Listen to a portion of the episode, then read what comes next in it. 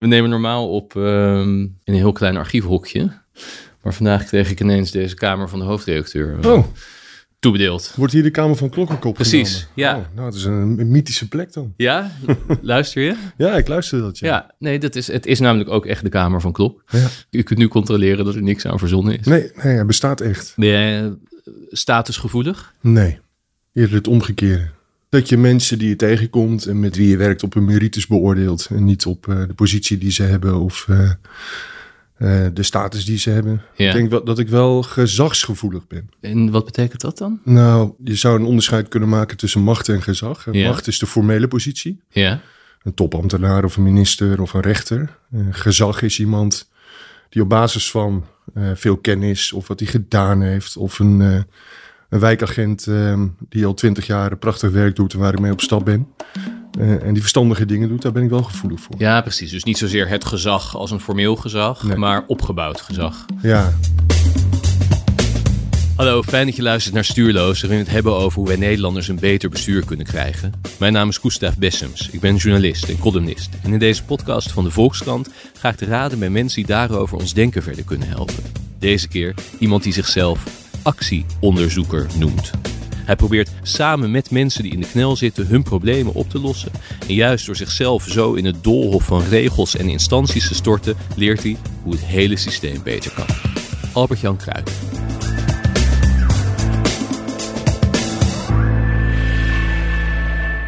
Ja, Albert-Jan Kluiter is dus geen gewone bestuurskundige. Hij bestudeert dingen niet alleen, maar hij staat mensen bij, juist ook om er wijzer van te worden. Kruiter promoveerde op democratie en de verzorgingsstaat, bezien door de ogen van de 19e-eeuwse filosoof de Tocqueville. Hij richtte het Instituut voor Publieke Waarden op. Dat was eigenlijk een beetje een instituut met een knipoog, maar dat is inmiddels gewoon een serieuze organisatie waar 40 mensen zitten die honderden huishoudens per jaar helpen en originele ideeën bedenken die op hun praktijk zijn gebaseerd. Nou, daar gaan we het over hebben.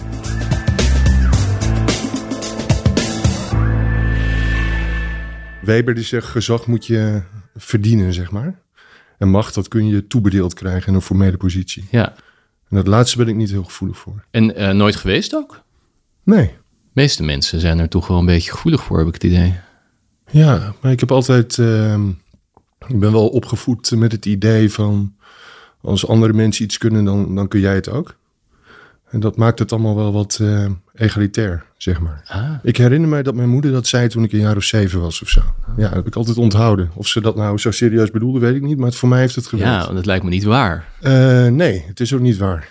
Nee, maar het is wel een prettige mentale conditie. Het heeft me in ieder geval wel geleerd dat je niet per definitie al onder de indruk van mensen hoeft te zijn. Nee. Zonder dat je ze zelf gesproken hebt of zonder dat je iets over ze gelezen hebt. Of, eh, en dat je vooral dus zelf ook moet nadenken over de dingen. Ja. En, tot je eigen gedachtenvorming moet komen. Nee, je hoort ook wel eens eh, dat het een soort... eh, want het is nou best in, volgens mij, nog steeds, om dit aan kinderen mee te geven. Hè? Je, je kan alles. Maar dat het ook een soort druk kan leggen. En ja, dat als je talenten enigszins beperkt zijn, dat je ook je neus stoot. eh, omdat in de praktijk blijkt je van allerlei dingen niet te kunnen. Ja, ja, nee. Hoe ouder ik word, hoe meer ik ontdek wat ik allemaal niet kan. Ja, Ja. maar dat is geen pijnlijk proces. Ehm, dubbel. Dus aan de ene kant is het pijnlijk.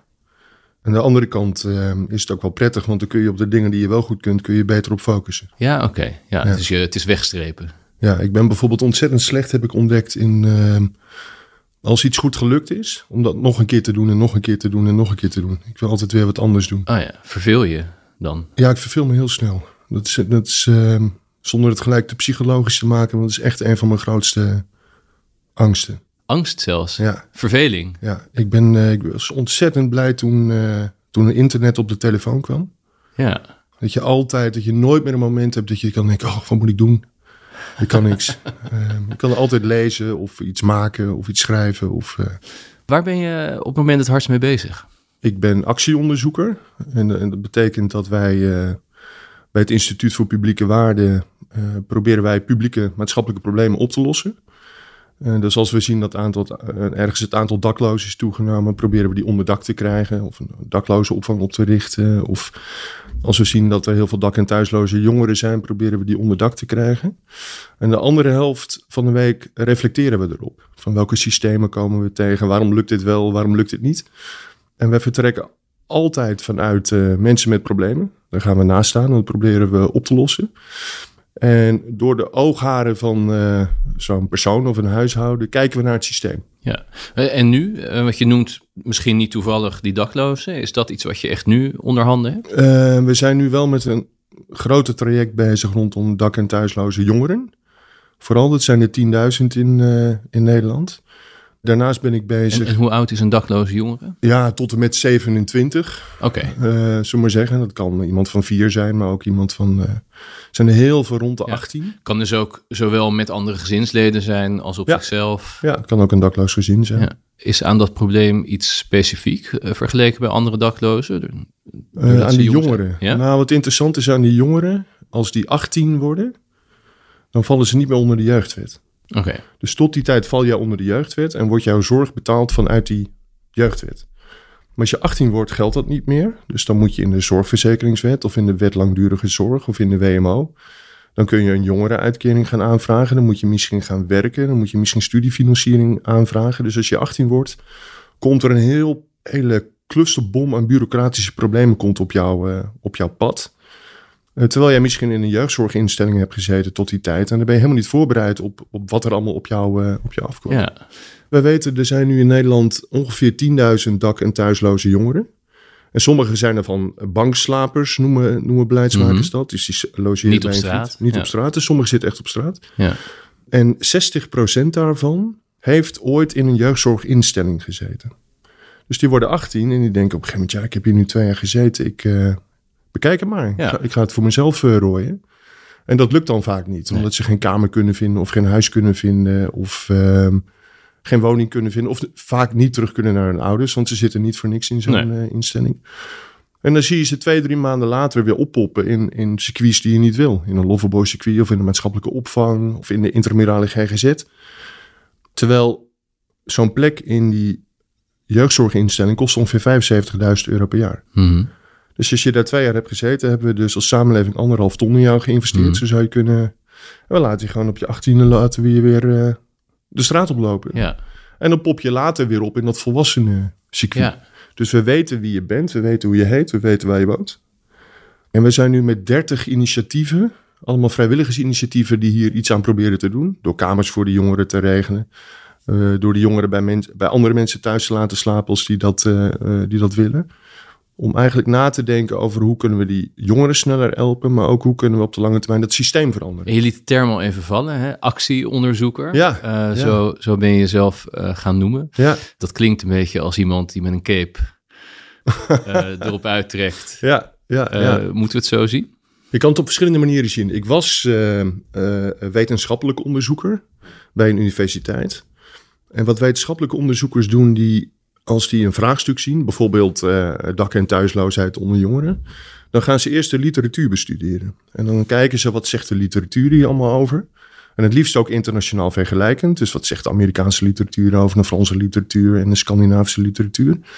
En dan zoeken ze naar een stukje in die literatuur waar nog geen kennis over is. Maar dat gaan ze dan onderzoeken met enquêtes en met eh, eh, door mee te lopen, misschien in een dakloze opvang. Ook wel met veldwerk. En, Ja, en maar, maar, maar het blijft analytisch. ja. Vanuit het idee, er is een soort lichaam van kennis opgebouwd over een onderwerp. Ja, body of knowledge noemen ze dat al. En daar moet je als wetenschapper iets nieuws aan toevoegen. Ja, want anders ben je gewoon iets aan het doen wat anderen ook al, eh, ook Ja. al deden. En wat ik op een gegeven moment een jaar of 15, 16 geleden ontdekte. Want tot die tijd deed jij het ook op deze manier. Nou, even, ik kwam er eigenlijk al vrij snel achter. Ik werkte bij de Universiteit Leiden en ik deed onderzoek naar eh, wet en regelgeving die de Rijksoverheid bedacht heeft en die lokale professionals eh, in de weg zat. Mhm. En ik zat bij een huishouden op, eh, op de bank. En daar eh, waren 48 verschillende partijen mee bezig. Dat was echt mijn aha-erlevenis. En toen dacht ik, ja, ik ga straks, eh, ik zit straks terug in de trein en dan schrijf ik een peer-reviewed Engelstalig artikel hierover. Wat, wie, wie heeft hier nou wat? ja, wie heeft hier nou wat en heel even, wat voor gezin? Eh, Wat voor 48 partijen? Nou, dat was een, een, een huishouden met twee ouders met eh, heel veel kinderen. En daar eh, er waren verschillende jeugdzorg, jeugdhulpverlening, William Schrikkengroep. Allerlei vormen van accountmanagers van de sociale dienst, van het WMO-loket. Ze hadden dingen met de zorgverzekering die niet goed liepen. Ze hadden schulden. Met die schulden kon niemand ze helpen. Van die 48 kon niemand daarmee helpen. Nee, want dat was een stukje fraudeschuld. Dus hij had zijn Ah, meldplicht in de participatiewet verzaakt. Ja. Zonder het te technisch te maken. En dan heb je een stukje fraudeschuld. En dat kan in de schuldhulpverlening heel moeilijk verholpen worden. Want ja, dat is fraude. Je hebt fraude Eigen schuld. Eigen schuld, dikke. Die schuld van die man was ongeveer 6000 euro groot. En dat hele hulpverleningscircuit was ongeveer 2,5 ton per jaar. Ja, En als je dat dan als analist doet, dan schrijf je dat op. En dan schrijf je, eh, dan maak je een theoretisch kader. En dan zeg je, nou, er zijn allemaal verschillende partijen die dit doen. En dat is niet goed georganiseerd en het is niet doelmatig. En dan heb je een analyse gemaakt. Maar mijn vraagstelling was, welke wet en regelge- eh, regels zitten hier nu in de weg? En toen heb ik als actieonderzoeker, dacht ik, hé, zal ik het eens proberen op te lossen voor die man? Dus ik heb al die mensen in een zaaltje uitgenodigd. Toen gevraagd van, eh, nou, dit kost 2,5 ton per jaar. Zijn probleem is dat hij 6000 euro schuld heeft. Kunnen we dit niet, eh, kunnen we het niet verhelpen als we allemaal eh 3000 euro in een potje doen? Dat was die fraudeschuld. Dan hebben we het morgen opgelost. En toen bleek dat gewoon te kunnen zonder dat er regels in de weg zaten. oké. Nou, als ik dit zuiver theoretisch had gedaan, Ja. analytisch, had ik alleen opgeschreven dat er verkokering was of dat die partijen niet eh, samenwerkten. Ja. Dat was dan een mooie aanbeveling geweest. Meer samenwerking. eh, Eh, ja, precies, beter afstemmen. Ja. Nou, wa- wat in al die rapporten uiteindelijk altijd staat. Maar doordat ik het probeerde op te lossen, ontdekten we van hé, hey, dit is te fixen, dus er zitten geen regels in de weg. Dus ik heb een jaar of 15 voor mezelf ontdekt dat als ik als onderzoeker iets probeer te fixen, dat ik nog veel dieper in dat systeem kom en het ook veel beter kan analyseren Ja. dan dat ik alleen maar analyseer. Alleen als wetenschapper interveneer je dan met je object van onderzoek, Ja. waardoor je geen objectieve kennis meer produceert. En dat vind ik niet zo erg. Dus ik heb ook altijd gezegd, het Instituut voor Publieke Waarde produceert per definitie normatieve kennis. Wij zijn niet objectief, Ja, wij willen iets.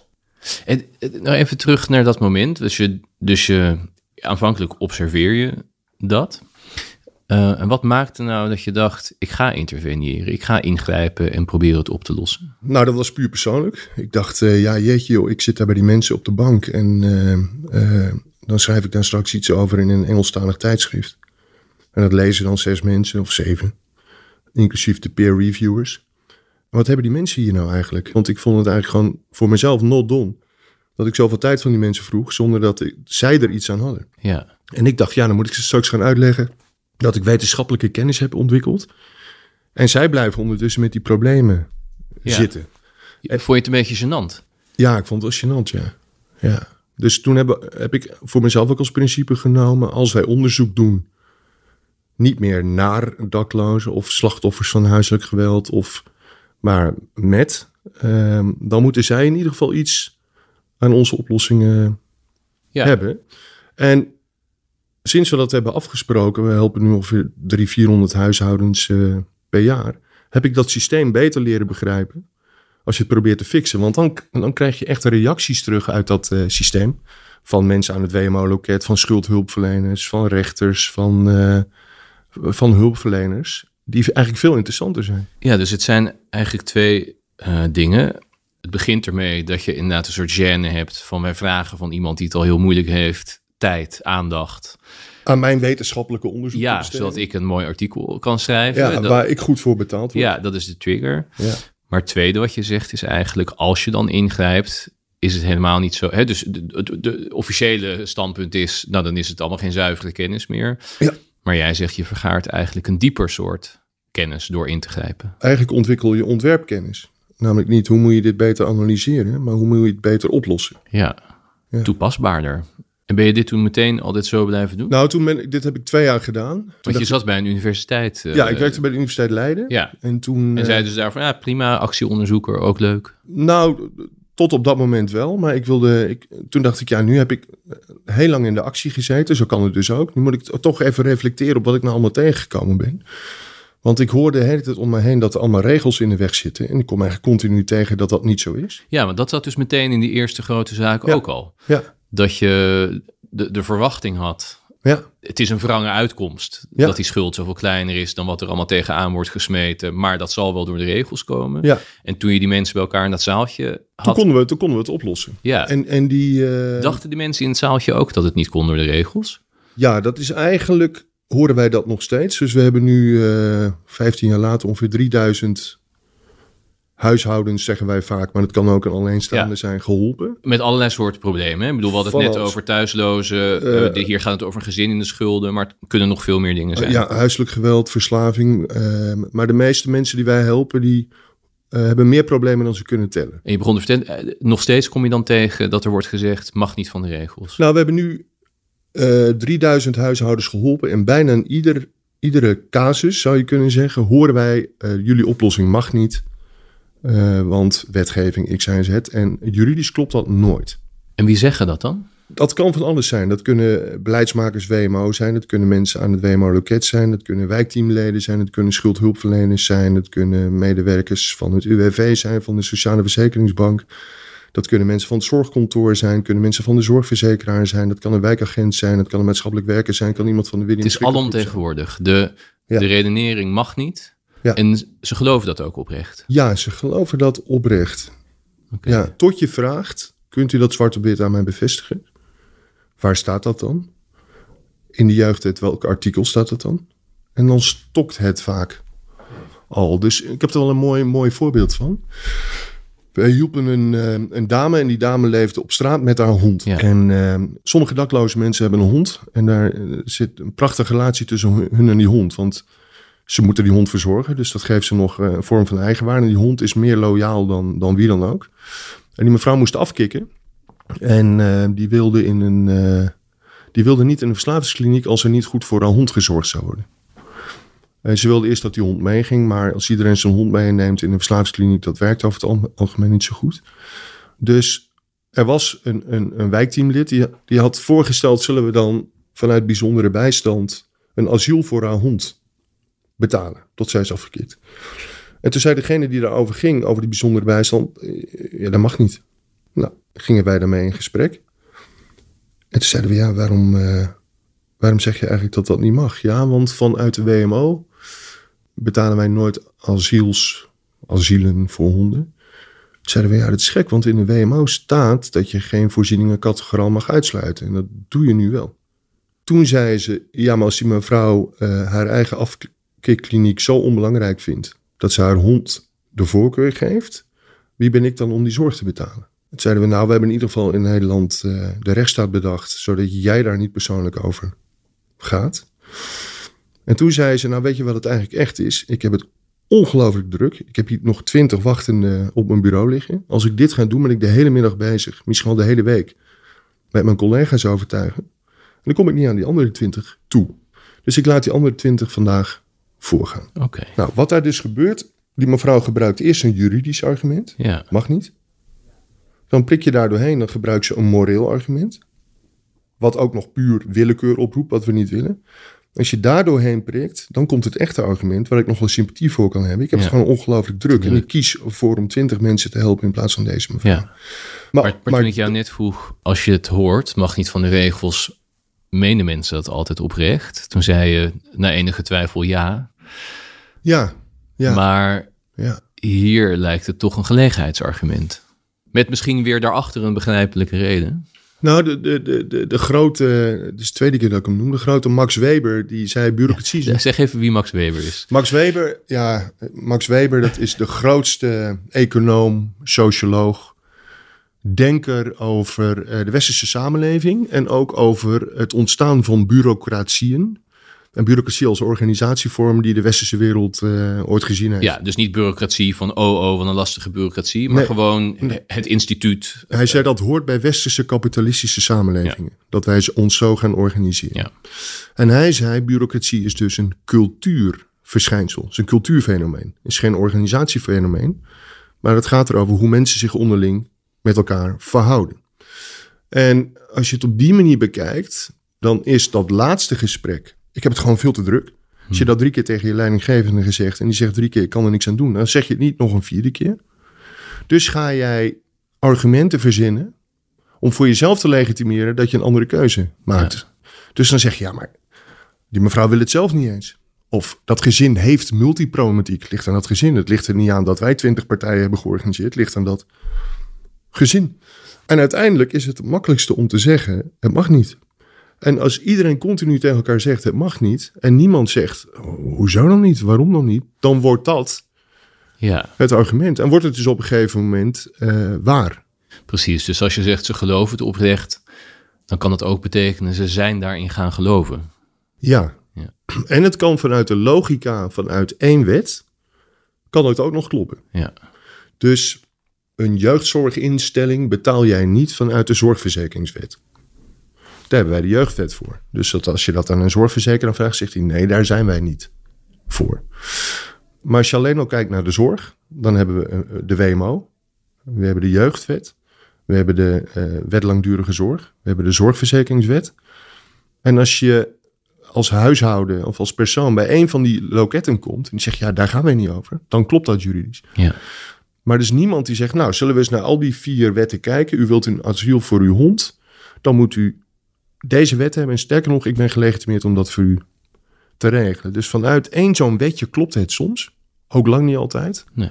Maar vanuit het hele palet aan wetten is er altijd wel een wet die zegt dat het wel mag. Dat is het mooie van tegenstrijdige wet en regelgeving. Maar wat er dus in elk geval uitspreekt, eh, is de neiging om zo beperkt mogelijk te kijken. Dus Ja, om niet zo ruim mogelijk te kijken wat kan er, maar ja, zo nauw of behapbaar misschien mogelijk van op, op dit hele kleine stukje ja, waar ik nu op zit. Ja, de, en zo is onze hele verzorgingsstaat ingericht.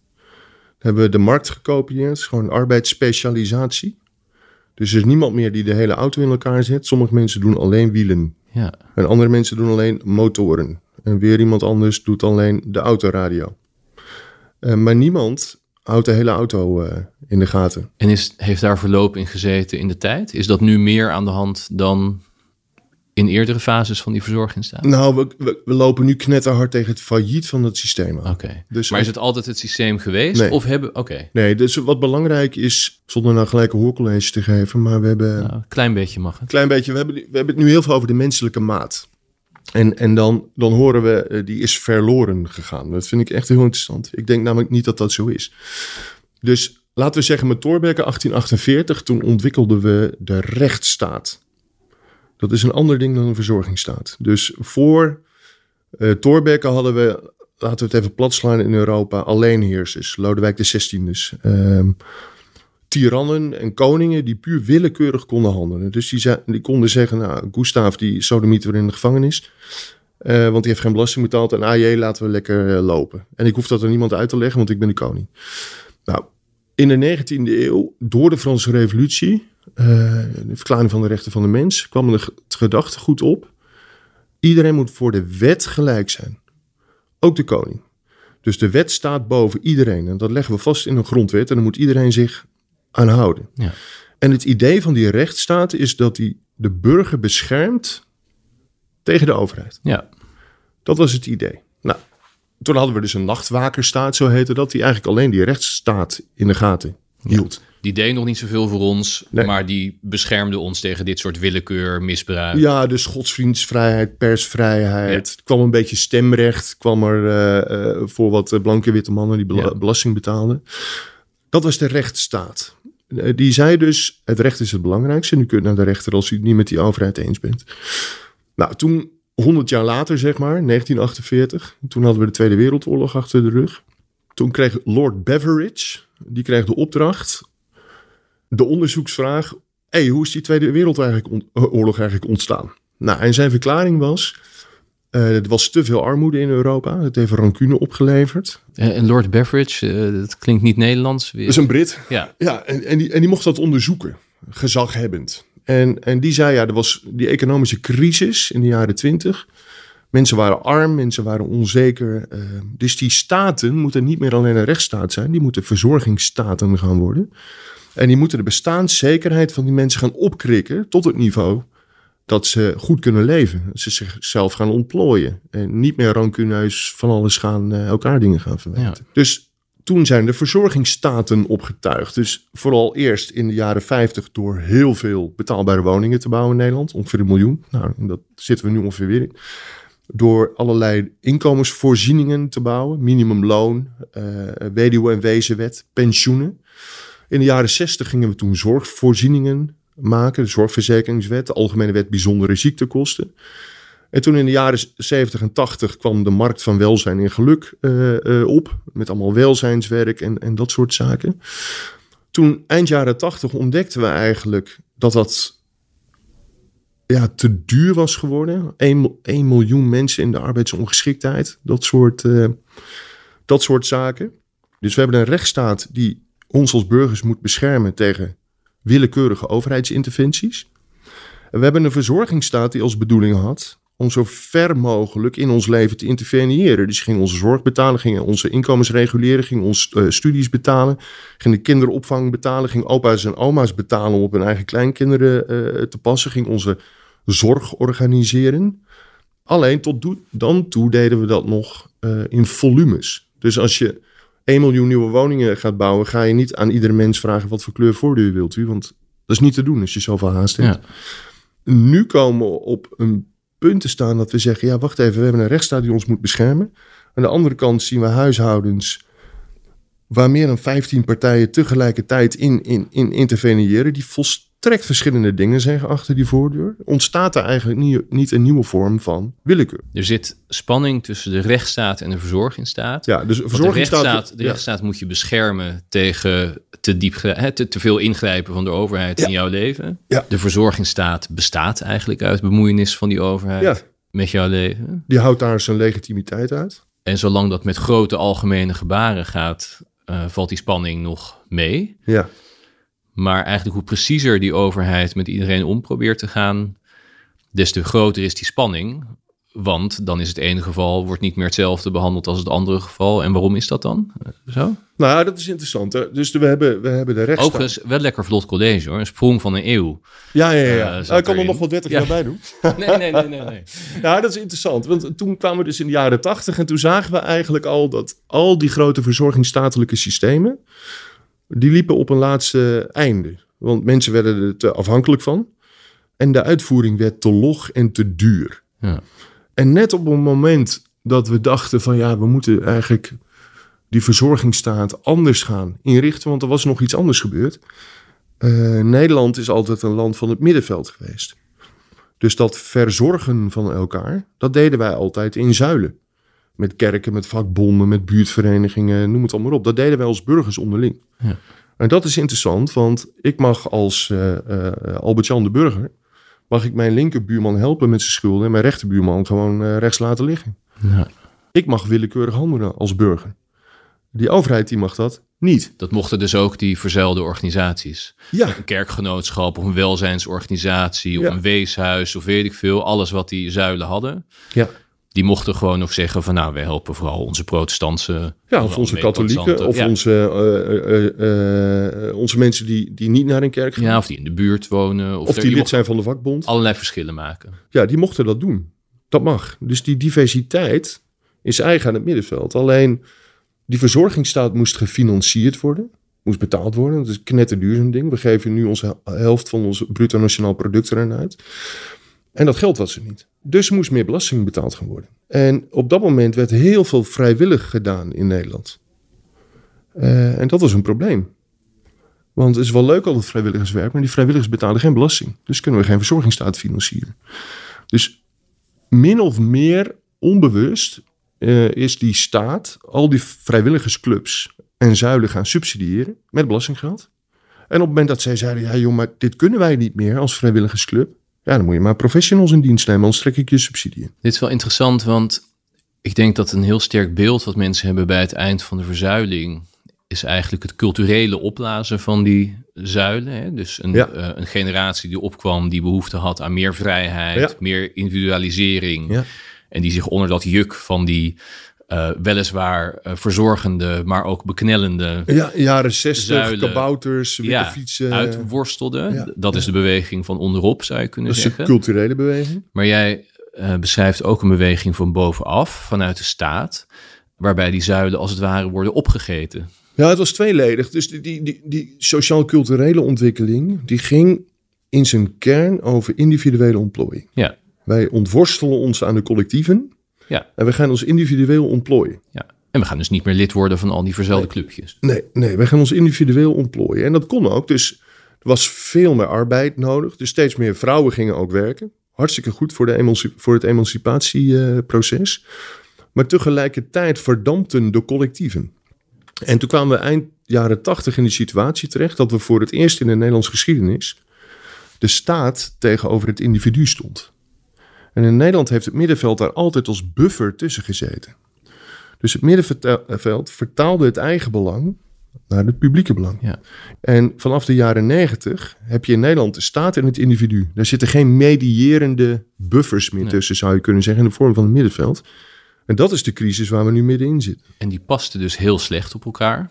Want die burger had zich juist uh, hè, vrijgemaakt. Exact. En was super in, hyper individueel geworden. Ja, dus ik ga toch niet meer mijn buurtgenoten en mijn eigen ouders verzorgen. Ik ben vrij. En een overheid per definitie is grof, algemeen, kan niet voor elk individu keteren. Ja.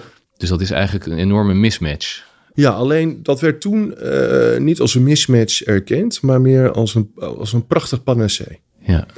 Want uh, als jij vindt dat jouw overheid te groot is geworden, dat je te veel mensen nodig hebt, dat de uitvoering te duur is geworden, dat er te veel mensen afhankelijk van zijn, en jij bent een gloednieuw paars kabinet, en je denkt, wat moeten we nou toch met die samenleving in die verzorgingsstaat? Weet je wat? We zijn eens bij Prodent wezen kijken hoe die tandpasta verkopen. En dat is toch een fantastisch mechanisme. Die mensen vragen drie smaakjes. Wij produceren dat. En dat kost super kostenefficiënt. Wij gaan die overheid als markt inrichten. En die burgers zijn geen collectieven meer uh, die gemeenschappelijke waarden vertegenwoordigen. Dat zijn individuen met een individuele vraag.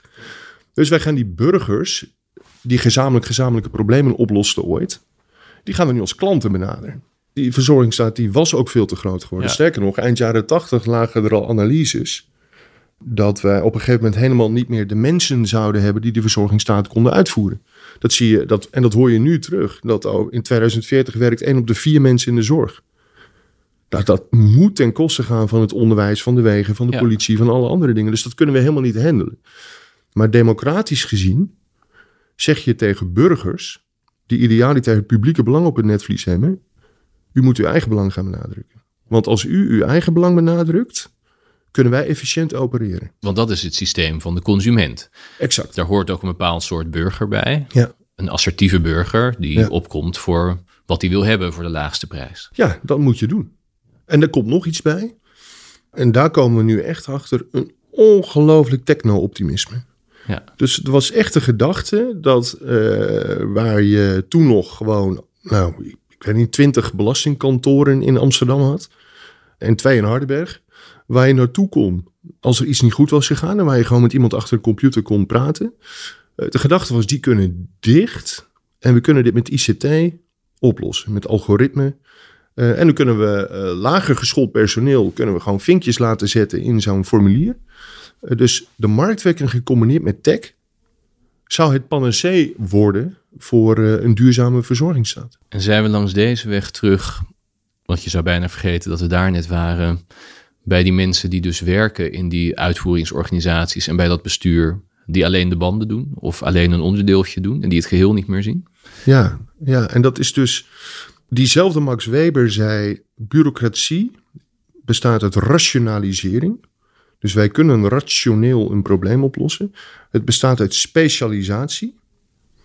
Uh, dus niet eens met iemand in gesprek gaan. Goh, wat heeft u eigenlijk nodig? Ja, ik heb 6000 euro schuld. wil ik. Nee. Je hebt iemand die uh, speciaal kijkt naar de hulp in de huishouding. Je hebt iemand die kijkt naar persoonlijke begeleiding. Je hebt iemand die kijkt naar de zorgverzekeringswet. Je kijkt iemand... En voor het gros van de mensen die één probleem heeft, werkt dat systeem van arbeidsspecialisatie supergoed. Dus als jij je been breekt, dan wil je gewoon zo snel mogelijk gips. Dan wil je niet een integrale intake over je schulden en, en, je gezinssituatie. Iemand die dat been weer een beetje heel kan maken, is dan Precies, fijn. Ja. dan wil je dat gewoon hebben. En daar is bureaucratie superieur in. Maar op het moment dat jij je been breekt en je krijgt een hartaanval en je hebt schulden en je bent slachtoffer van huiselijk geweld en nog een paar dingen, dan loopt dat helemaal vast. Ja, en dat is toch ook hoe interessant ook allemaal een vraag waarvan ik nou ook even niet zeker weet of ik daar nou het antwoord op heb. Ik vroeg me ook nog af of er een periode was waarin er dus mensen werkten die wel naar het geheel keken. Toen zei hij volgens mij ja.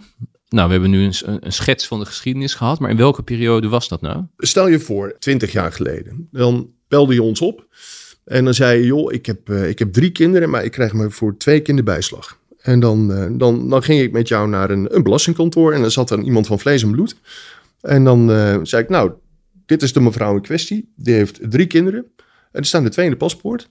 Eh, er staan er drie in de paspoort. Ze krijgt voor twee kinderen opvangtoeslag. En dan zat daar iemand die zei, ik kijk even in het systeem. Ik zie dat dit klopt. Ja. Ik ga in het onderwaterscherm.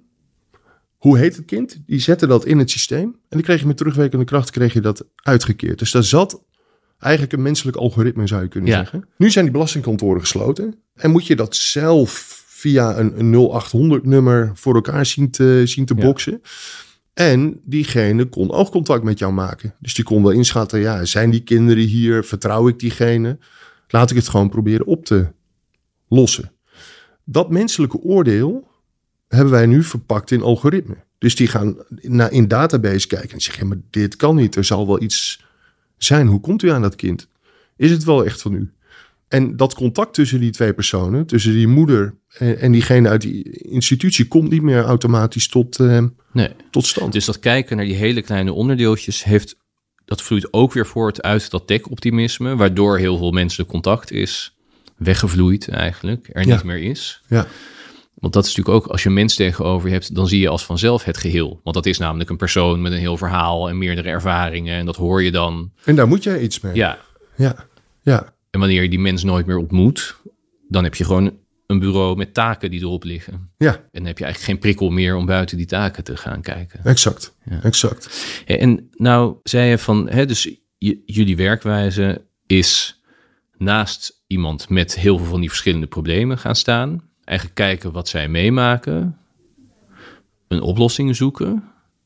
Daarvoor moeten jullie denk ik heel erg goed gespecialiseerd zijn in al die regels en wetten. ja. Zou het normaal gesproken voor iemand zelf te doen zijn, de oplossingen die jullie verzinnen? Of moet, je echt, moet het echt je werk zijn om al die regelingen te kennen? De oplossing verzinnen, wat, heeft, wat heb jij nou nodig? Ja. Dus wij vragen vaak drie dingen. Wat is uw perspectief? Waar, wil- waar wilt u nou staan over twee jaar of over een jaar, afhankelijk van hoe, hoe ernstig de problematiek is? En we vragen altijd, wat is het nou het eerste wat volgens u zelf moet gebeuren? Ja. Mensen kunnen dat over het algemeen feilloos Precies. aangeven. Ja, dus even, he- even helemaal los van alle wet en regelgeving zeggen... wat is er nu nodig om uit Ja. deze situatie eh, Ja. te komen, dat kunnen ze. Ja. Want wat noemt men dan bijvoorbeeld? Nou, ik heb, eh, ik heb 3000 euro schuld waar niemand me mee kan, eh, kan helpen. Ik heb al via vocht in mijn huis, waardoor ik een longziekte heb, Ja. heb opgedaan. Ik ben in de schulden geraakt, waardoor mijn eh, eh, auto verkocht is. En eh, het geld is naar mijn schuldeis gegaan. En nu gaan mijn, mijn dochters met een taxi naar school. En dan raken ze van in de stress. Mag ik mijn auto Ja. terug? Dus dat is vaak vrij concreet en overzichtelijk. Ja, en zeker niet multipromotief. Nee, Die mensen hebben vaak gewoon, dit is nu mijn probleem en dat moet ja, opgelost dus dat kunnen ze zelf. Ja. Maar het onderdeel, hoe maken we dit mogelijk binnen al die regels en Ja. instanties, dat Ja. kunnen ze niet zelf. Nee, dat is onoverzichtelijk Ja. Ja, wij Daar moet je prof voor zijn. Nou, tegen wil en dank hebben wij dat maar een vak genoemd. Dus wij zeggen, wij hebben bureaucratische competenties. En daar zijn we dan ook maar trots op, eh, op geworden. Omdat we zoveel huishoudens geholpen hebben, weten we eigenlijk inmiddels wel feilloos van de jeugdwet, de participatiewet, de WMO, van al die wetten van wat wel en niet mag. Eh, maar vaak is het ook gewoon een organisatorische kwestie. Want ik zei net, eigenlijk zitten die wetten en regels Nee. helemaal niet in de weg. Maar je moet wel goed weten bij wie je moet, eh, bij wie je moet zijn. Nou, en dat ze niet in de weg zitten, moet je ook weten. Dus je moet gesterkt zijn doordat Ja. je heel goed in die materie zit. Zodat Ja. je met gezag, om dat woord van jou maar even te gebruiken, Ja. kunt zeggen, mag wel. Ja. Hè, en door kan vragen, waar staat het dan in die wet? Laat maar zien. Ja. En dat is dan de strijd die je aanga- moet gaan organisatorisch. Ja, en dat is eigenlijk de tweede helft van ons, eh, ons werk. Wij schatten nu dat er in Nederland 100.000 huishoudens zijn die, laten we zeggen, meerdere problemen hebben. Of die helemaal vastlopen in dat, in Ja. dat systeem. En grofweg zou je kunnen zeggen dat het systeem voor 80% van de mensen supergoed eh, functioneert. Maar al voor ongeveer van de 20% van de mensen gaat er ergens iets mis. En voor de helft daarvan schatten wij in, produceert het systeem meer schade dan dat het Ja. goed doet. En het zijn juist die mensen, vermoed ik, die die overheid ook het meest tegenkomen en de overheid ook het meest zullen wantrouwen. Ja. Dus als jij in een, eh, in een achterstandswijk woont, waar eh, geen schooldirecteur meer is, waar je al voor de vierde keer dit jaar een nieuwe docent voor de klas hebt staan. Eh, je zit misschien in een uitkering, je hebt misschien schulden. Er zijn voor de vierde keer in een pand tegenover je wat gekraakt is, arbeidsmigranten gekomen die overlast veroorzaken. Eh, de politie komt niet meer opdagen, noem maar op. Dan ben jij maandelijks, zie jij een keer of tien zo'n falende overheid op allerlei Ja, verschillende dus er is. manieren. Ja, en het zijn dus mensen voor wie het leven sowieso al zwaarder is. Ja, als jij nu, eh, je hebt een uitkering van 1159 euro per maand, een bijstandsuitkering. En wat toeslagen. En jij was, eh, je bent uit je huis gezet. Wegens huurschulden. En je krijgt via een hulpverlener een nieuwe woning. Moet je een nieuw energiecontract afsluiten. Nou, als dat in augustus was, krijg je een aanbod van 980 euro per maand. Ja. Met een uitkering van 1160. En natuurlijk 190 euro en 1300 euro en een, pri- een prijscap. Eh, maar zoveel marge zit er niet in een bijstandsuitkering. Nee. Dus ehm, dan ga je per definitie je kinderen minder eten geven. Je kan geen kleren meer kopen. Ehm, op een gegeven moment wordt er misschien een kindsignaal afgegeven. Dus je komt, voor je het weet, in allerlei... Je komt in de schulden. Je moet naar de schuldhulpverlening. Ben je te laat, dan lag het aan je eigen motivatie. Dan moet je weer in een ander regime.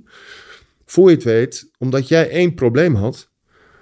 kom je in een heel palet van, van organisaties te zitten... die allemaal een andere beslistermijn hebben die allemaal naar elkaar verwijzen. Nee, want WMO is voorliggend. Ja, maar die heeft een beslistermijn van acht weken. Dus we moeten eerst weten, ja, maar misschien is het langdurige zorg. Maar we- misschien gaat je ziekte nog wel weer over. Dus ze hebben allemaal hun eigen uitsluitende en voorwaardelijke criteria. Ja. Eh, en daarbinnen komen mensen eh, lopen vast. En nou is jullie ambitie om niet alleen in die individuele casussen een oplossing te zoeken, hè, dus om één zo'n huishouden te helpen, maar om daar ook iets uit te destilleren, Ja, waardoor je structureel aan oplossingen werkt. ja. Lukt dat? Ja, ja dat, dat gaat steeds beter lukken. Dat is wel grappig. Ik, tien jaar geleden hebben wij al een eh, stuk geschreven over ehm, dat als je één ding zou doen in deze verzorgingsstaat, is het betaalbare woningen neerzetten. We hebben in 2021 hebben we duizend huishoudens die we in dat jaar hebben geholpen, hebben geanalyseerd. En wat we gezien hebben is als je investeert in het afkopen van schulden, het op de een of andere manier regelen van een beter inkomen en betaalbaar wonen, die drie, gewoon pure bestaanszekerheid, dan gaan die mensen zorg die al voor ze geïndiceerd is, niet meer gebruiken. Dat zien we over de hele linie. Dus met een minimale investering hebben we voor die duizend huishoudens, hebben die voor 16,6 miljoen euro aan zorg die geïndiceerd was, hè, dus daar hadden ze al recht op, niet meer gebruikt. Hm. Door gewoon te investeren in hele basale huurschulden eh, aflossen, een zorgverzekering met schulden aflossen, een keer eh, een half jaar eten betalen, eh, noem maar op. Gewoon die hele basale dingen, daarin investeren, levert een gigantische zorgkostenreductie op. Wat je doet, we waren bij een, eh, bij een dame in Den Haag, die had schulden. Ze zei niet, eh, ik ben ziek. Ze zei, ik kom niet meer van de bank af. Ik kan niks meer, ik ben moe. Hm. Ik, eh. En Toen dachten we, goh, zullen we nou eens onderzoeken of zij meer zorg is gaan declareren vanaf het moment dat ze schulden kreeg. En dat bleek zo te zijn bij haar. En toen Ja. hebben we samen met de grote zorgverzekeraar CZ hebben we onderzocht als mensen langer in de schulden zitten. Verzekeraars kunnen dat zien, want mensen betalen hun premie niet meer. Of ze dan meer zorg gingen declareren. En het bleek zo te zijn. Na zes maanden zware schulden declareren ze 40% meer zorg. Vaak is op dat moment de zorgdeclaratie hoger dan hun schuldenpositie. Dus we dachten, ja, als we nou die schulden gaan aflossen, misschien worden ze wel weer beter. En toen bleek dat na een jaar voor 150 huishoudens, de verzekeraar CZ die ging daarin mee, samen met de gemeente Den Haag, dat die 150 huishoudens voor 3,5 miljoen euro, vooral in WMO, jeugdzorg en zo- zorgverzekeringszorg en WLZ, niet gebruikt hadden. En wie loste dan die schuld af? Eh, wij maken dan eh, plannen, dat noemen wij doorbraakplannen. Dus wij brengen gewoon in kaart wat moet er. eh, wat Ja, was- maar iemand moet dat geld. eh, ja, dat eh, schoot de verzekeraar voor. Oké. En dat doen we op allerlei verschillende manieren. Dus met die, eh, eh, we hebben eh, ook met, dak, met die dak- en thuisloze jongerengroep. En Dus CZ zei in elk geval. Het was natuurlijk nog kleinschalig, Ja. maar toch ook niet Ja. onaanzienlijk. Die Ja. zei, eh want je zegt ze schiet het voor. Betaalden ze het nou of niet? Nou, wat interessant is natuurlijk dat, dat als je het nou hebt over stuurloos. eh, Ja. Die verzekeraar die kan zeggen, ja oké, wij gaan dit, eh, wij kunnen hierin investeren. Ja. in dit onderzoek. En dan kijken we of mensen beter worden. Want we hebben een zorgverzekeringswet, er zit een zorgplicht in. En, maar wettelijk gezien is de gemeente verantwoordelijk voor de schuldhulpverlening. Ja. Nou, dan kom je dus precies. Hè, dus je moet je voorstellen dat op dit moment in Nederland zijn de vijf, zes tot en met tien grootste verzekeraars continu met gemeenten in gesprek. Gaan jullie nou investeren in die schuldhulpverlening en inkomen? Of gaan wij erin investeren? Want jullie moeten het wettelijk doen.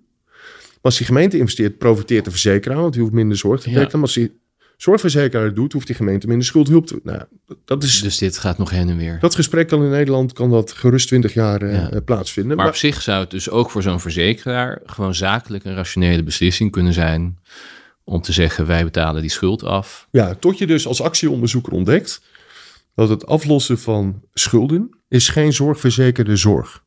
Nee. En in de zorgverzekeringswet staat eh, dat je, dat is wel zo'n wet, dat je alleen de zorg mag vergoeden die omschreven staat in de zorgverzekeringswet. Oké, dus hier ben je misschien toch Ja, maar een daar zijn, juridische drempel gestuurd. Ja. Maar het zou dus een groot verschil kunnen maken als dit gesprek tot een uitkomst komt. ja, Wie van de twee of een combinatie van beide dat dan ook wordt, gemeente of verzekeraar die de schulden betaalt. ja, Lost voor die mensen een groot probleem op. ja, drukt de zorgkosten eh, aanzienlijk. Ja. Maar er zit hier ook altijd natuurlijk nog iets eh, normatiefs in.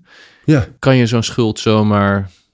Die, mensen hebben dat geld toch uitgegeven. Dus niet voor niks zijn ze in de schulden. Hoezo krijgen zij zomaar zoveel duizend euro? ja. Andere mensen die, eh, die eh, werken hard en die hebben zich niet in de schulden gestoken. Die krijgen dat geld niet van de zorgverzekeraar of van de gemeente. ja klopt. Is dat niet oneerlijk? Nee, ik denk dat het heel erg eerlijk is zelfs. Ja, kijk, die moraal is niet gratis. Hè? Dus Nederlanders die maken altijd die knip tussen de koopman en de dominee. Voor die meneer waar we het net over hadden, als we samen met een paar partijen 3000 euro schuld aflossen. En een half jaar daarna kan voor 100.000 euro kunnen mensen weer wat anders gaan doen, hulpverleners. Dan is dat ook eh, eh, koopmantechnisch. En dat brengen wij ook gezamenlijk Dat op. brengen we ook geme- gemeenschappelijk op. Alleen dat hoor je nooit terug. Dat is indirecter. Dat is indirecter. Ja. Ja, ja en, maar Nederlanders oordelen wel heel graag over anderen. Ja. En dat is dus heel duur. Is dat hoe je het aan de man zou moeten brengen? Wat wij Zou je moeten zeggen, Ik maak het heel klinisch. wij steken veel te veel geld van ons, veel te veel van ons hard verdiende geld in die mensen?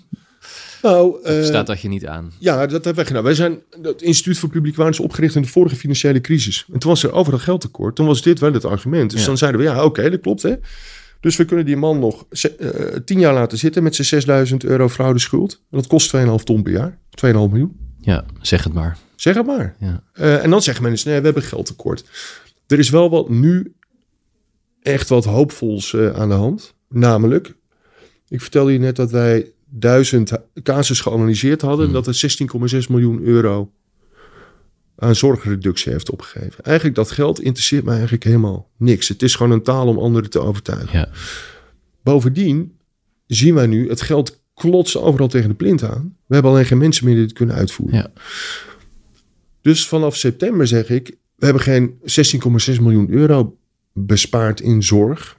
We hebben 315 FTE Ja, ja, ja. bespaard, die normaal met duizend huishoudens bezig waren. Ja.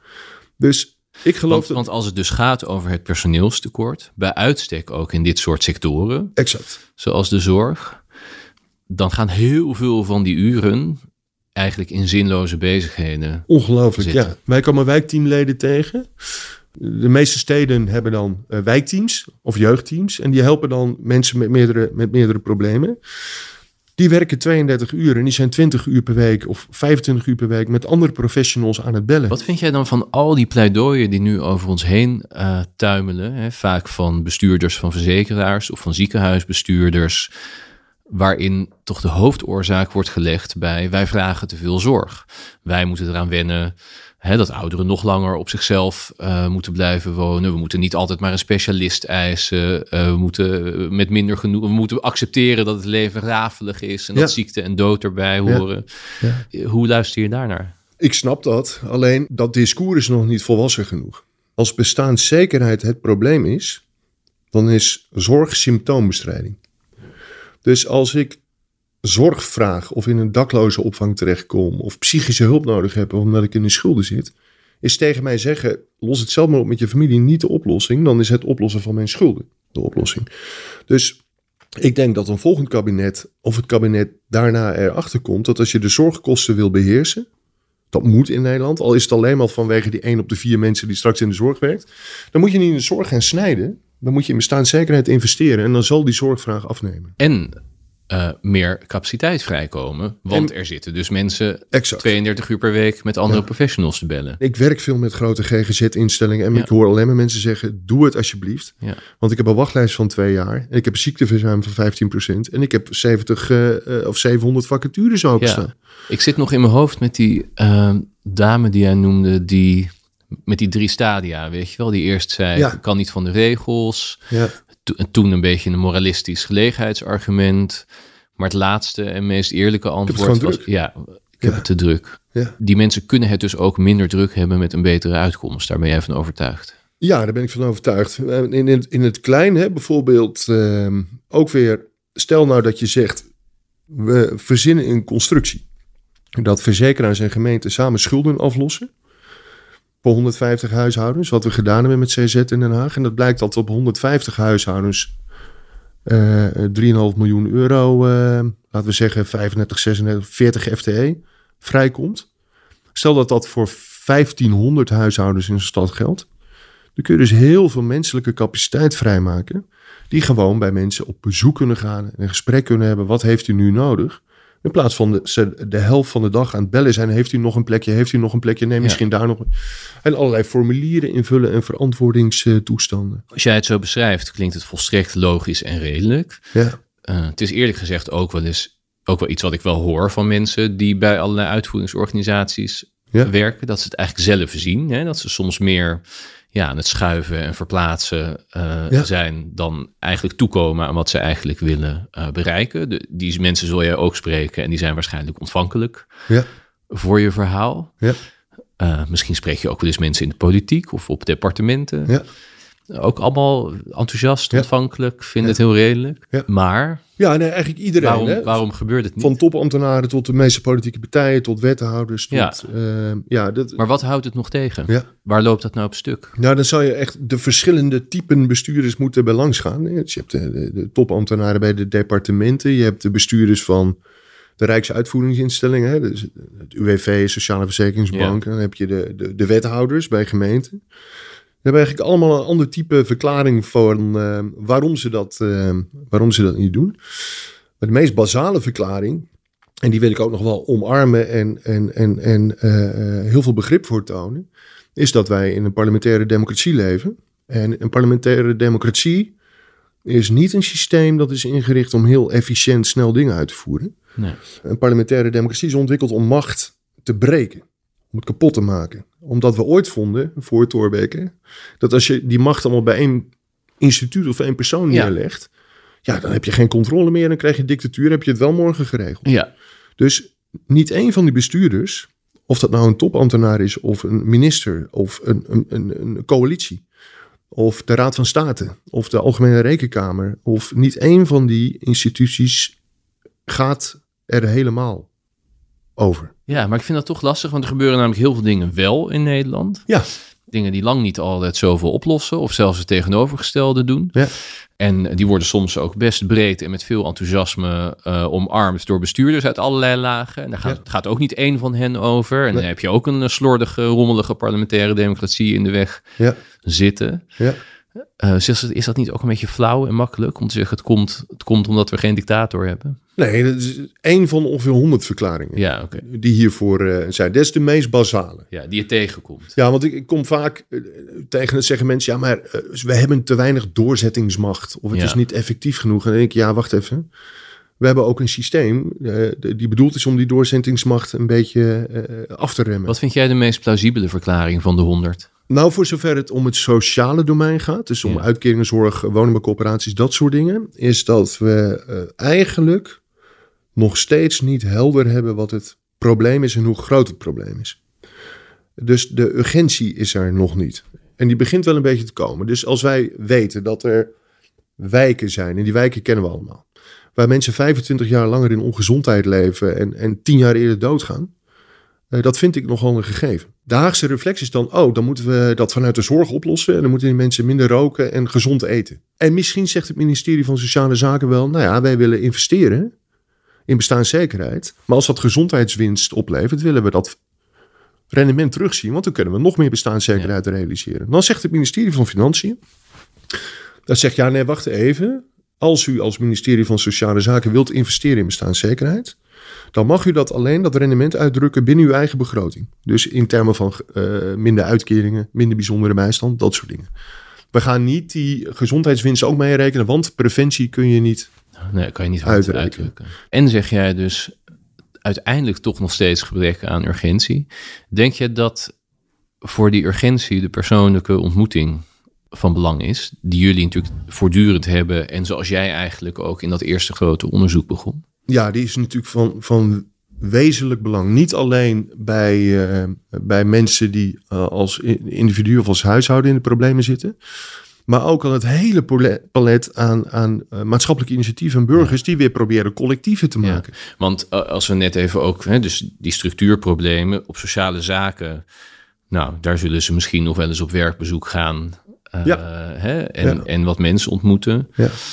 Maar die mensen op financiën die tot taak hebben om te zorgen dat alle begrotingen netjes uh, binnen hun kaders blijven en niet te raar overlappen en dat het allemaal goed hard uit te rekenen valt ja, die zitten misschien al niet meer bij die multiprobleemgezinnen op de bank, denk je wel? Nee, dat denk ik ook niet. Maar de, en daarom noemde ik de, de data ook, de datablindheid. Ja. Dus dat in, ter, in, termen van big data en technologie en zo is het bijna vloek in de kerk. Maar het sociale domein in Nederland, dus wonen, zorg, uh, inkomen, steken blind. Ja. Dus wij zien bijvoorbeeld dat als er in een huishouden volwassen GGZ, jeugdzorg en schulden voorkomen, komt zijn huishouden nooit meer zelf uit de problemen. Er is geen gemeente in Nederland die weet hoe vaak die combinatie voorkomt.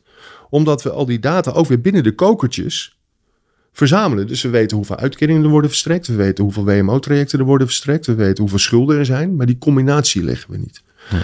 En juist in die combinatie. En zeker dat als je dat in, in, in, in, uh, voor de wijk uh, Amsterdam Nieuw-West. Of voor Kanaleneiland. Of voor Rotterdam Zuid als je die combinatie van problemen bij elkaar legt, zie je pas hoe heftig het is. Maar als je alleen door het kokertje WMO naar Rotterdam-Zuid kijkt, of alleen door het kokertje uitkeringen, dan zie je wel dat het ernstig is, maar zie je de combinatie van, uh, van problemen nog. Dus het is dat geheel weer zien in plaats van alleen het onderdeeltje. Ja. En het is het rechtstreekse contact met mensen over wie je eigenlijk dat beleid aan het ja, maar, maar, maar, dat, kijk, ik, ik snap echt wel dat mensen die bij uh, financiën werken of bij het ministerie, of uh, dat zijn natuurlijk allemaal beleidsdepartementen. Als, je, als je kijkt naar VWS, die hebben natuurlijk eigenlijk alles weggeorganiseerd. Mm Dus de gemeente gaat over de WMO, gaat over de jeugdwet. Het zorgkantoor gaat over de WLZ. Zorgverzekeraar gaat over de uh, zorgverzekeringswet. Alleen het departement is wel gegroeid. En je zei, ik snap heus wel. Wat snap je? Nou, ik snap wel dat niet al die ambtenaren bij mensen op de, uh, op de bank... Maar wat ik snap het eigenlijk niet. Nou, wat ik niet snap, is dat je in tijden van uh, arbeidsmarktschaarste... Uh, die departementen alleen nog maar groeien. Terwijl ze beleidsdepartementen zijn. Daar komt een keerpunt in. Want op een gegeven moment kun je dat maatschappelijk gewoon niet meer permitteren.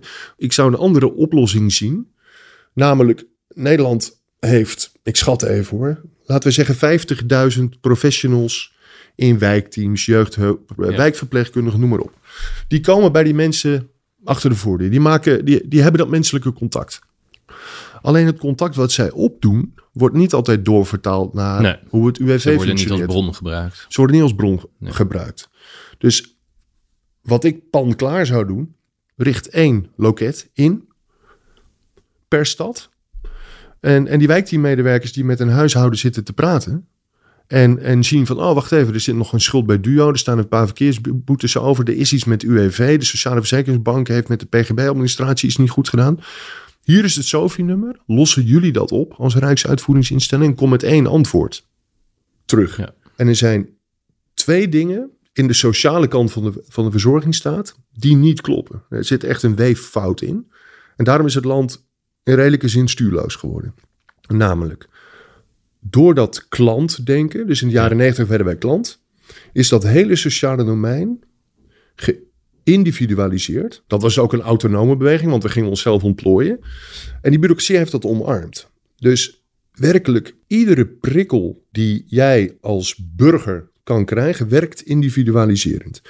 Dus iedere indicatie, of dat nou voor een uitkeringsschuld, hulpverleningstraject, zorg, uh, WMO, noem maar op, is, werkt individualiseren. Want jij krijgt een indicatie en als je hem hebt, hou je hem vast. Ja. Wat er niet in dat sociale domein zit, is nou, uh, we hebben hier eens in dit postcodegebied, weten we dat er uh, 98 individuele huishoudens opvoedingsondersteuning plaatsvindt. Zullen we eens voor 20% van de bedragen gratis kinderopvang beginnen, waar Ja. vijf van die ouders gaan werken. Ja. Nergens in dat systeem zit een collectiviserende prikkel. Terwijl wat we nodig hebben, als je zelfredzaamheid wil en minder zorg vraagt, heb je weer nieuwe collectieven nodig. Terwijl het systeem blijft individualiserend Ja. werken. Dat werkt niet. Twee, en dat zit diep in de buik van de bureaucratie. Wij moeten afrekenen met efficiency als waarde. Dus wat er eind jaren negentig gebeurde en daarna ook hoor, ook in de eh, kabinetten Balkenende, is de volgende gedachtegang populair geworden. Namelijk de uitvoeringskosten van uitkeringen en zorg, die zijn zo hoog geworden, dat moet efficiënter. En als wij dat efficiënter doen, dan houden we geld over, zodat we die verzorgingsstaat overeind kunnen Ja. houden. Als je nou kijkt naar de toeslagen bijvoorbeeld, daar heb je dat heel mooi gezien. eh, Waar dat eh, schandaal uit naar voren gekomen is ook.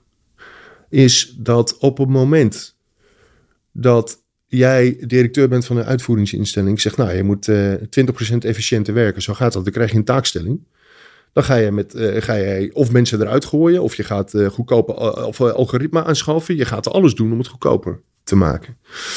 En dan zeg jij op een gegeven moment tegen je bestuurder: ja, het, het, het lukt niet meer, want in die wet staat een hardheidsclausule. En dan moet ik mensen op maat behandelen, heb ik hoger opgeleiden voor nodig. Nou ja, ja, maar wat nou als we in het beleid zetten dat wij hier gelijke gevallen gelijk behandelen? En dat is tamelijk massaal gebeurd. En, en wat je dus in de uitvoering van die bureaucratie ziet aan de loketten, dat er heel vaak nee gezegd wordt tegen mensen die iets nodig hebben, omdat er op de werkinstructie staat, niet in de wet, maar Ja. staat: wij behandelen gelijke gevallen gelijk. En dus zeg ik aan het eind van de dag tegen jou: wij vergoeden nooit een asiel voor een hond. Nee. En daar, het- en daar haalt die uitvoeringsinstantie haalt daar zijn eh, bezuinigingsdoel mee. Exact. En de samenleving als geheel is eigenlijk duurder uit. Ja, en En degene die hulp nodig had, heeft die niet gekregen. ja, en er gebeurt nog iets wezenlijkers, namelijk de, in de rechtsstaat behandelen wij gelijke gevallen niet alleen gelijk, maar ook ongelijke gevallen naarmate ze Ja. verschillen. Ja. Maar als jij een marktwaarde, efficiency, scherpere marktwaarde is er niet, is geen publieke waarde, is een marktwaarde, dominant verklaart. En die verdedig jij met een rechtsstatelijk argument, gelijke gevallen gelijk behandelen. Dan zeg je het dus tegen de burger, wij zijn rechtsstatelijk bezig. Terwijl je eigenlijk gewoon eff- efficiency op de troon hebt gezet. En dan maak je dus een publieke waarde, gelijke gevallen gelijk behandelen, ondergeschikt aan zo'n marktwaarde. Ja, en zo maakt die rechtsstaat verdacht ook. Exact. Wat is je gemoed? Nou, het is een nieuw jaar. Ik heb mezelf geleerd om, eh, sinds ik actieonderzoeker ben, om optimistisch eh, te zijn. Toen ik nog geen actieonderzoeker was, was mijn gemoed altijd eh, slecht eigenlijk. Want ik ben nogal, eh, mijn analyses gingen dieper en dieper en daar werd ik somberder en somberder eh, van. Wat ik nu vergeleken met bijvoorbeeld tien jaar geleden zie, is dat, eh, dat er echt wel hard aan de Rijks- en gemeente- en zorgverzekeringskant gewerkt wordt. Vijf jaar geleden kregen wij op, op dit soort relaties heel veel morele bezwaren nog. Ja. Dan krijg je moral hazard en wat jij net zei, maar dan kunnen we voor iedereen de schulden wel gaan aflossen. De mensen hebben hetzelfde gedaan. Nu krijgen we vooral praktische bezwaren. Maar hoe moeten we dat dan organiseren? Moeten we dan inderdaad iemand vanuit een corporatie, een UWV en een wijkteam zitten? En daar zie je winst, want dan zit je al Ja, ik- in in, een soort acceptatie van het idee. in Nederland lossen we praktische bezwaren altijd op. Ja. Eh, morele bezwaren niet, want dan kunnen die dominees, die kunnen daar... En ben je er wel eens doodmoe van of kwaad? Ja, kwaad wel, ja. Ja, ja doodmoe eigenlijk, eigenlijk niet. Nee, en ik ben extreem optimistisch over, eh, over die personeelschaarste. Ik Ja. denk dus dat die... Daar zie je een enorme kans. Ja, ik Ja. denk dat die... Ik dacht dat die financiële schaarste... zeg maar, de systemen de knoppen wel om zou zetten. Maar ja, geld, geld kunnen we bijdrukken, hebben we zelfs geleerd eh, afgelopen jaar. Maar die personeel, de personeel kan dat niet. En ik, ik denk dat er op een gegeven moment wel een kwartje gaat vallen. Jongens, gezien de wachtlijsten in de zorg, de bestaansonzekerheid, de woningen die gebouwd moeten worden, de stikstofschaarste, er komen 30.000 klimaatprofessionals tekort. Eh, we moeten eh, het anders gaan organiseren. Ik ben daar wel echt eh, optimistisch over. Niet omdat het een plicht is, maar omdat ik het ook echt, dat ik het Ja. ook echt ben. Wat doe je met, dat, met, dat, met die kwaadheid? Want van nu had ik het helemaal niet zo hoor. Nu kwam je vrij ontspannen over eigenlijk. Maar ik zat wat eerdere dingen met jou te luisteren en te kijken. En toen dacht ik, die is echt boos. Ja, ik vind die een, een overheid die willekeurig handelt, Ja. Dus die, die aan uh, iemand uh, die wij proberen te helpen vers verschillende signalen afgeeft. Je moet gaan werken. En je moet goed voor je kinderen zorgen. Uh, en je moet gezonder gaan leven. En het liefst alle drie, alle drie tegelijk. Dat vind ik dus willekeurig handelen. Dus ik ben intellectueel boos op een overheid die willekeur produceert zonder dat hij dat zelf doorheeft. Want daar hadden we de rechtsstaat niet voor, niet voor bedoeld. Nee. Ik ben als bestuurskundige boos omdat ik zie dat op dit moment uh, de capaciteit die wij in die verzorgingsstaat steken volstrekt verkeerd georganiseerd is. Is intellectueel boos en bestuurskundig boos anders dan gewoon boos, dan persoonlijk boos? Uh, ja, dat persoonlijk boos worden hier uh, over, dat, dat kan ik me niet permitteren, want dan was ik al lang, was ik al lang afgehaakt. Ja, ja dan ja, zit het te dicht tegen opgeven aan. Ja, ja en, en, en ik heb ooit een, een proefschrift gemaakt, mild despotisme, en dat werd uh, gerecenseerd. Nou, meneer Kruijten, u laat ons met sombere... Het is weliswaar mooi geschreven, maar u laat ons met sombere wolken uh, achter. Ja. En die kant heb ik ook wel in me. Ik Ja. kan het echt wel echt zo kapot analyseren... dat ik heel tevreden ben over mijn analyse. Ja. Uh, maar dat ik bij iedereen de hoop heb weggenomen dat het, nog, uh, dat het nog goed komt. En toen heb ik met mezelf afgesproken... nou, ik ga het in ieder geval proberen op te lossen. En, en de huishoudens die we aan het eind van de dag... Uh, geholpen hebben. Ja, dat, dat is wel Dat een geeft goede, natuurlijk heel veel voldoening. daar ben ik wel blij mee. Dus we hebben heel lang als actieonderzoeker vooral met die casuïstiek bezig geweest. En we hebben nu gezegd voor de komende tien jaar gaan wij dus naast het helpen van de individuen, gaan we die nieuwe, nieuwe collectieven smeden. Ja. Rondom de jeugdbescherming die is ingeklapt. Kun je ook samen met bewoners doen. Rondom uh, het energievraagstukken. Rondom mensen die hun energierekening niet meer kunnen betalen. Rondom uh, schulden rondom bestaanszekerheid. Dus wij gaan samen met bewoners nadenken van, nou ja, u, uw hele flat heeft schulden bij de zorgverzekeraar. Zullen we het er samen gaan opkopen? Ja. Dus kijken wat voor deal we kunnen maken. Dus we gaan nu de komende tien jaar proberen voor te leven hoe we dat weer samen als burgers kunnen doen. Daar heb ik heel veel zin in vooral. Oké. Okay. Ja. Nou, als je zin hebt in iets voor de komende tien jaar, dat is uh, ja, niet slecht. Nee, nee. nee. Oké. Okay. Nee. Heel erg veel dank voor dit gesprek. Graag gedaan. Dankjewel voor het luisteren naar Stuurloos, een podcast van de Volkskrant. Als je het de moeite waard vond, deel deze podcast dan onder mensen die je kent of op sociale media. Geef sterretjes in de app of schrijf een prachtige recensie, dat zou helemaal mooi zijn. De gast was dit keer Albert-Jan Kruiter. En als je je abonneert, dan krijg je een bericht als de nieuwe aflevering er is. Best logisch eigenlijk. Deze stuurloos is, behalve van mijzelf, het werk van de altijd virtuoze Rinky Bartels, de steeds maar behulpzame Sophia Robbe en de eeuwig soevereine Corine van Duin. Tot de volgende keer.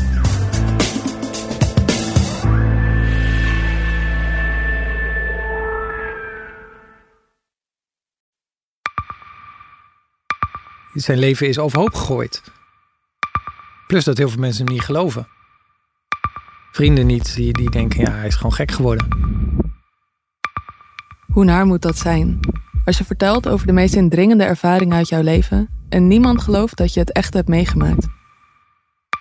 Ja, ik vind zelf niet dat ik het verzonnen heb, maar sommige mensen denken dat wel. Maar hoe kom je erachter of jij je doelwit bent van een geheime dienst? Ik heb ook wel eens meegemaakt dat je het idee hebt dat inlichtingendiensten in je geïnteresseerd zijn. En dan kun je wel heel veel zien, wat er misschien helemaal niet is. Als ik s'avonds nog iets ging eten, dan volgden die mensen mij naar het restaurant. En dan terug van het restaurant naar het hotel. Als zij op een gegeven moment zei, kijk maar uit, want anders word je dadelijk nog het voert ook. Shit, ik moet hier weg. Dat is, dat is niet goed. Nu word ik gevolgd. Een soort Truman Show is het gewoon. Hè? Alsof dat hele straatbeeld voor jou is ingericht. Maar dan wel met bedoeling jou, jou niet door te laten. Dit kan geen toeval zijn. Een nieuwe podcast van de Volkskrant. Mijn naam is Simone Eleveld en samen met Huid Modderkolk ontrafel ik een bizarre operatie van de geheime dienst. Wat het doel ook is, jij verliest het. Ik werd opgepakt, heel lang ondervraagd. Maar hoe krijg je grip in een wereld die zo onderzichtig is? Als je zou liegen, dan zou je niet de meest relevante informatie twee jaar later tussen neus en lippen doorvertellen. Er zal nooit iemand zeggen: Oké, okay, Bart, ik geloof je. Nooit, nooit. Dit kan geen toeval zijn. Vanaf 3 oktober bij de Volkskrant. Ik weet niet of ik ook alles kan vertellen. Het is echt te bizar. Wat? Um, ja.